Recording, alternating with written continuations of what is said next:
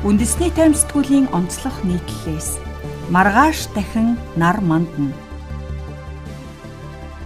Санжаа сүрэнгийн зориг Монгол хүнд биш, Монгол хүний саруул ухаанд итгэдэг гэж хэлсэн. Монголын сарууд уралддаг наадам. Сонгуул сайхан арчилсан Монгол улсын жирийн иргэд амьдралаа сонгуулгүйгээр төсөөлвөл юутай уйтгартай. Сонгуул бол олох Монголын хувьд Үндсэн хууль заасан ёсоор төрийн эрх ард түмний гарт 4 жилд ганц удаа 4 секунд шилжих алтан агшин билээ. Энэ өдөр сонгуул өгдгүй юм гэхэд үгүй ядах нэ малгайн утаа сэрмүүлээд авдаг нь сайхан.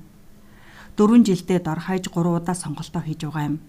Эрц дор хаяж 60% та гэхээр монголчууд сонгуулаас уйдаагүй. Хуучин нийгмийн үед ганц даргын нэр дугуулдаг байсан ч гэсэн ард түмэн хамгал торго тонтой өмсөж аваад баяр ёслолын байдалд очиж саналаа өгдөг байжээ. Сонгуулийг ямар нэгэнтэй зөвлөмөр бол наадмалд өгч очино. Сүүлийн үед хүмүүс мөнгөтэйч болж мөнгөө сонгуулаар харамгүй тараадагч болж 20 хэд хоногийн дотор гэрийн хаалгаар бараг 1 сая төгрөг орж ирж байхад наадахгүй гээд яах юм, наригахгүй гээд яах юм. Монголын буян шүү дээ. Сонгуулийг би Монголын сор хүүгүүдийн уралдаан гэж боддгийм. Ер нь ямар л мөөхөн болоод наандаж өчнөө мөнгөө зараад өнгөтэй өөдтэй плакат хэвлүүлээд олонний итгэлийг авах гэж өрсөлдөж хот хөдөөгөө хөндлөн гол давхиж явв гэж тэ. Нэр дэвшигчдийг хулгайч гэж цолцоход гим хулгай хийдгүү Монгол ядах нэл боломж гаргал болгондоо гэж боддгоо Монгол цөөхөндөө. Сэтгэлд хоногшсон урай шилжилтийн үеийг цэглэн амьдралын дөрөөтлийг арилгана. Жил жилийн сонгуулиас нам намын урайл сэтгэл торж үлддэг Тэр жилийн сонгуулаар олны аав аятай очрот хэмээх нүнжигтэй нэгэн эрхмийн зургийн хажууд шилжилтийн үеийг цэглэн амьдралын доройтлыг арилгана гэсэн үгс дурааж байсан нь санаанаас юр гардгүй юм. Одоо бодох нэ хээгүү гүндөөгүү гэлцдэг тэр улс төрч маш том алдаа гаргажээ. Энэ алдаа нь магадгүй зариудаар өөр нэгэн хийгүй сахалтай хүнд бууж өгсөн ч юм болов гэсэн хар сэр төрүүлэхэд хүргэж байна. Ядуу ч гэсэн нэрлэх үү, ядуурч байгаа шалтгаантайгаа эвлэрэх дургүйдээ саналаа үргэлж худалддаг Монголын ард түмнийг амьдралын доройтлоор нь дуудаж ил байдаг. Магадгүй зөвхөн шилжилтийн үеийг цэглэнэ гэсэн уран дээрээ төвлөрсөн бол тийм ч амархан уюудад өнгөрчихгүй л байсан болов. Нэрэл монголчууд саяхны хүртэл чин үнэндээ оюу толгой тэргүүтээ 3 дахь хөршийн хөрөнгө оруулалт орж ирэх хүртэл нэг л тийм нэгээс нөгөөд шилжсэн байдалтай тэр шилжилт нь хизээ хаан хурч дуусахыг улс төрчид байтугай улсыг үзмэрчж хэлж чадахгүй байдалд байсан юм. Сэтгэлд хоногшсон бас нэг үрэ таны итгэл бидний зүтгэл. Очир утгай баг ондгойд уюуддгөөс жил хагасын өмнө энэ үрэ Монгол орныг эд байлдан дагуулж байлаа. Урэ алас баруун хязгаар Увс аймгийн зүүн говь сумын зэлийн гол багтч хурч арчлын барьцаанууд сумаа морьтой явган машинтай хидж тойрсын бүүмэд арчлалыг дэмжснээсээ болоод Овсын коммунист дарга нарын зуултанд аль хэдийн орчихсон Сэхэтэн голцоо залуус ухуулагчийн хөлсгүй өдөр шөнөгөө сурчлаганд явж байлаа. Харамсалтай нь Овсод энэ үрэ ялсангүй. Харин улс даяар бол үр дүн гарсан. Арчилсан хүчин парламентод 50 судалтай болсон юм. Энэ ялалт манай аав ядам сүрэнг яаж баярлуулж байсныг тод санаж байна.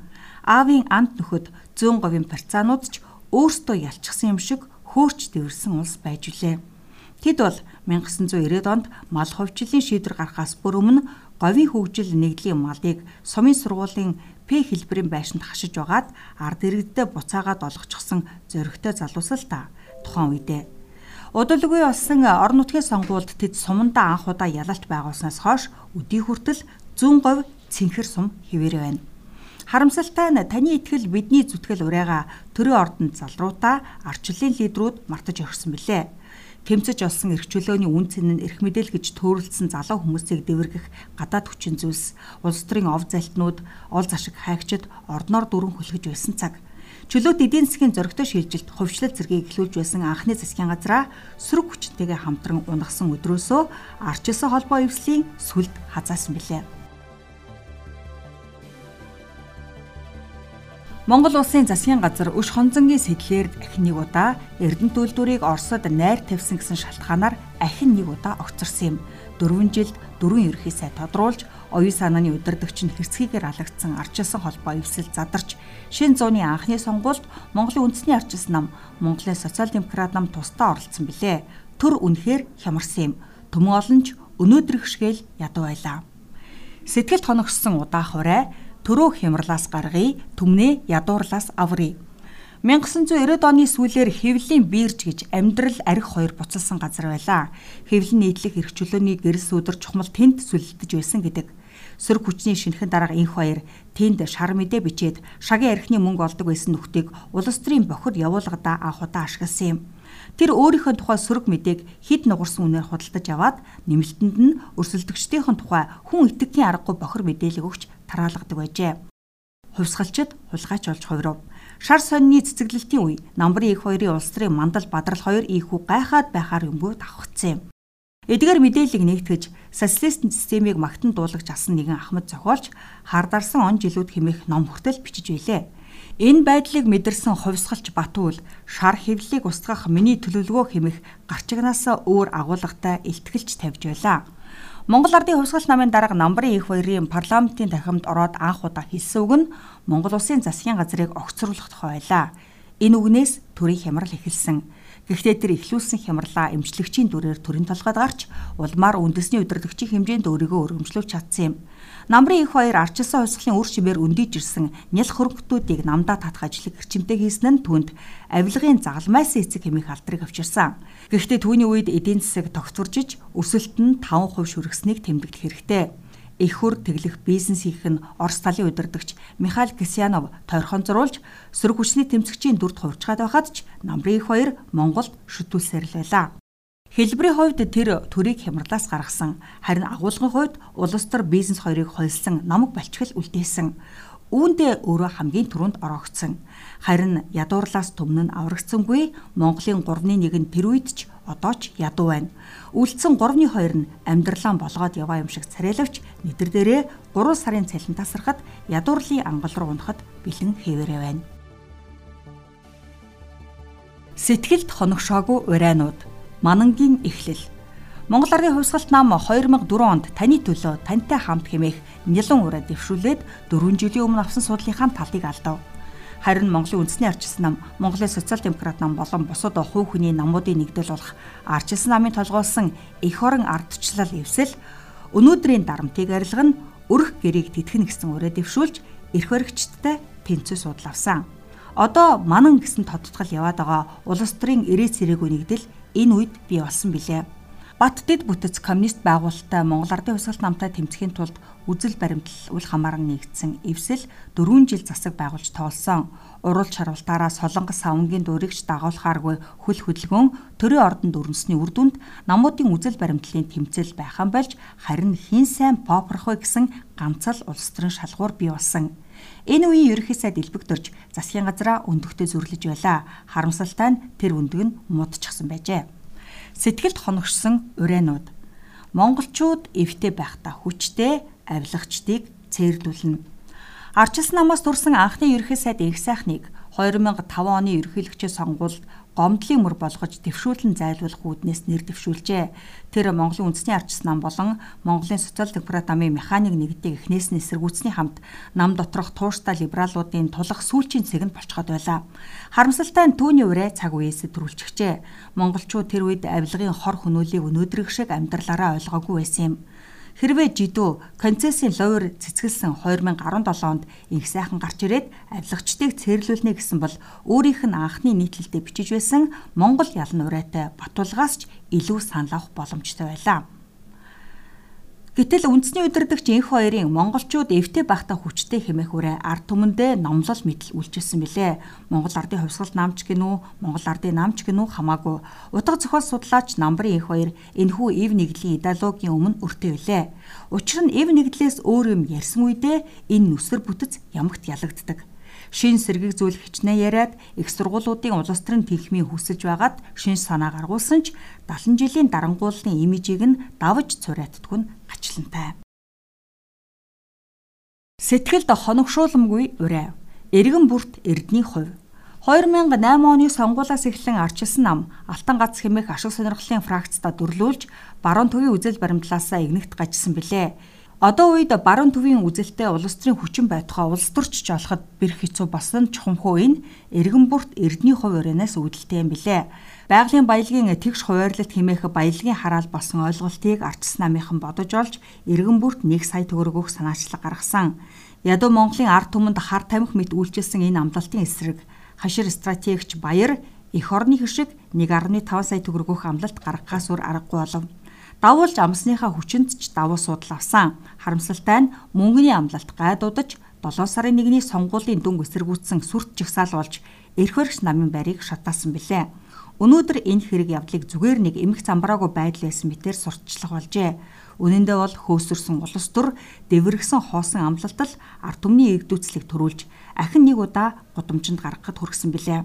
Эцэстээ Монгол ардын хувьсгалт нам одоогийнхоор бол Монгол ардын нам энэ балаа популист амлалтаа хэрэгжүүлэх гэж Хятадын төрийн өмчөд Chalco компанид нүүрсний экспортоо барьцаалж байлаа. Өрийг нь бараг 4 жил нүүрс зөөж байгаа дараад улсаараа баярлалдаж байснаа одоо амлсан нь ч амлуулсан нь ч мартажтэй хөрхий. Сэтгэлд хоногшоогүйрээ. Хүн шиг амьдарч улс шиг хөгжээ. Норвегийн алтан үеийн хүн шиг амьдарч улс шиг хөгжийн үрээ тухайн үедээ маш прагматик байж сонгогчдын сандыг ч татаж чадсан. Харамсалтай нь энэ үрээ огцрохтой хамт мартагдсан. Харин ерөөсөө дасан алтан хуйгийн хэлсэн шудраг босын хонгил хэмээх үг сүүлийн 10 гаруй жилд ямар ч сонгуулийн урианаас илүү хүчтэй байна. Энэ үг нь түүний улс төрийн сөргөлдөгч Элбэг Доржийн 2009 оноос хойш гол имижээ болгож байгаа шудраг байцхай урианы эсрэгцэл юм. Арчил намын гол хүч болох Монголын үндэсний арчил нам болон социал-демократ намыг үүсгэн байгуулагчид болон энэ хоёр лидерийн зөрчил даамжирсаар эцтэй 2000 онд механикаар нэгдсэн намаа ахин задлахад хүрч байна. Энэ бол Монголын улс төрд сайн мэдээ. Улс төр дахин баруун төвийн үзэл баримталтай хүчтэй нам, социал-демократ үзэлтэй хүчтэй нам төрөн гарахч боломжтой болж иржээ. Улс маань улс шиг хөгжихийн тулд урдаар нам нь нам шиг байх хэрэгтэй юм. Сэтгэлд хоногшуулсан урайнууд Эргчлөө эв нэгдлээс ч хүчтэй хүч. 2016 оны сонгуулиас хойш Монгол улс урай дуудлагаар хахаж цацхтаа тулсан. Нийгмийн сүлжээний тесрэлт урай дуудлага хоногшуулах кампанид ажилд шимтээ хөрс болжээ. Урай дуудлага улам тод цуурайтхын хэрээр улсын эдийн засаг илгээр хэвтэх боллоо. Монголчууд эв нэгдэл шударгаас гих мэд хийсвэр урай эсвэл мөнгө тараах популист урайнд татагддаг байснаа энэ үеэс хүч хэрэглэхийг сурталчсан урайг халуунаар дэмжих болжээ. Бид зүтгэн хамтдаа хөгжин хэмээх хүрээ Ми гомби их болд дарахтай Монгол Ардын намд үнэмлэхүй ялалт авчирсан. Монгол Ардын намын цагийн цагт сонгуулийн кампанит ажил дээрээ арчсан намаас хоцорч явсан түүхтэй. 2017 оны ерөнхийлөгчийн сонгуулиар тэд бас л Монгол ялна гэх урайг давхгүй хэмээн сандчиж эвтэй Монгол урайн дээрээ ялна хэмээх үг нэмж байлаа. Үүний үрээр намын лидерээ ялагдуулж үр дүнд нь намаач хоёр хувааж орхисон. Эвтэй Монгол ялсан нь тэр. Харин үүний дараа бодож олсон хүчээ нэгтгэх хэмээх ураа утга 100 хувьд намбар их хоёрын гортгоноос холдоогүйч улс төрийн шинэ үр дагаврын жишээ байлаа. Тэр нь хүчний тэмүүлэл. Хүчний тэмүүлэл нь 2017 оны сонгуульд Монгол ялна хэмээх Олимпийн жуудогийн шигшээ багийн л ураа баймаар холбоог амжилт олсноос эхэлсэн. Үүнийг нь намбарын их хоёрын алдар дэвнэгдлийн номлолыг Путиний авторитар дорнгуулагчийн дүр төрхтэй хослуулсан удирдагчтай Монгол Ардын нам 2020 онд хүлээлтээс авсан амжилт гаргачихад байна. Удахгүй болох ерөнхийлөгчийн сонгуульд хүчний ойлголтоо илүү оюунлаг санаагаар баяжуулсан өрөө бодож олвол ахин ялалт байгуулах магадлалч өндөр байна. Дүгнэлт so boring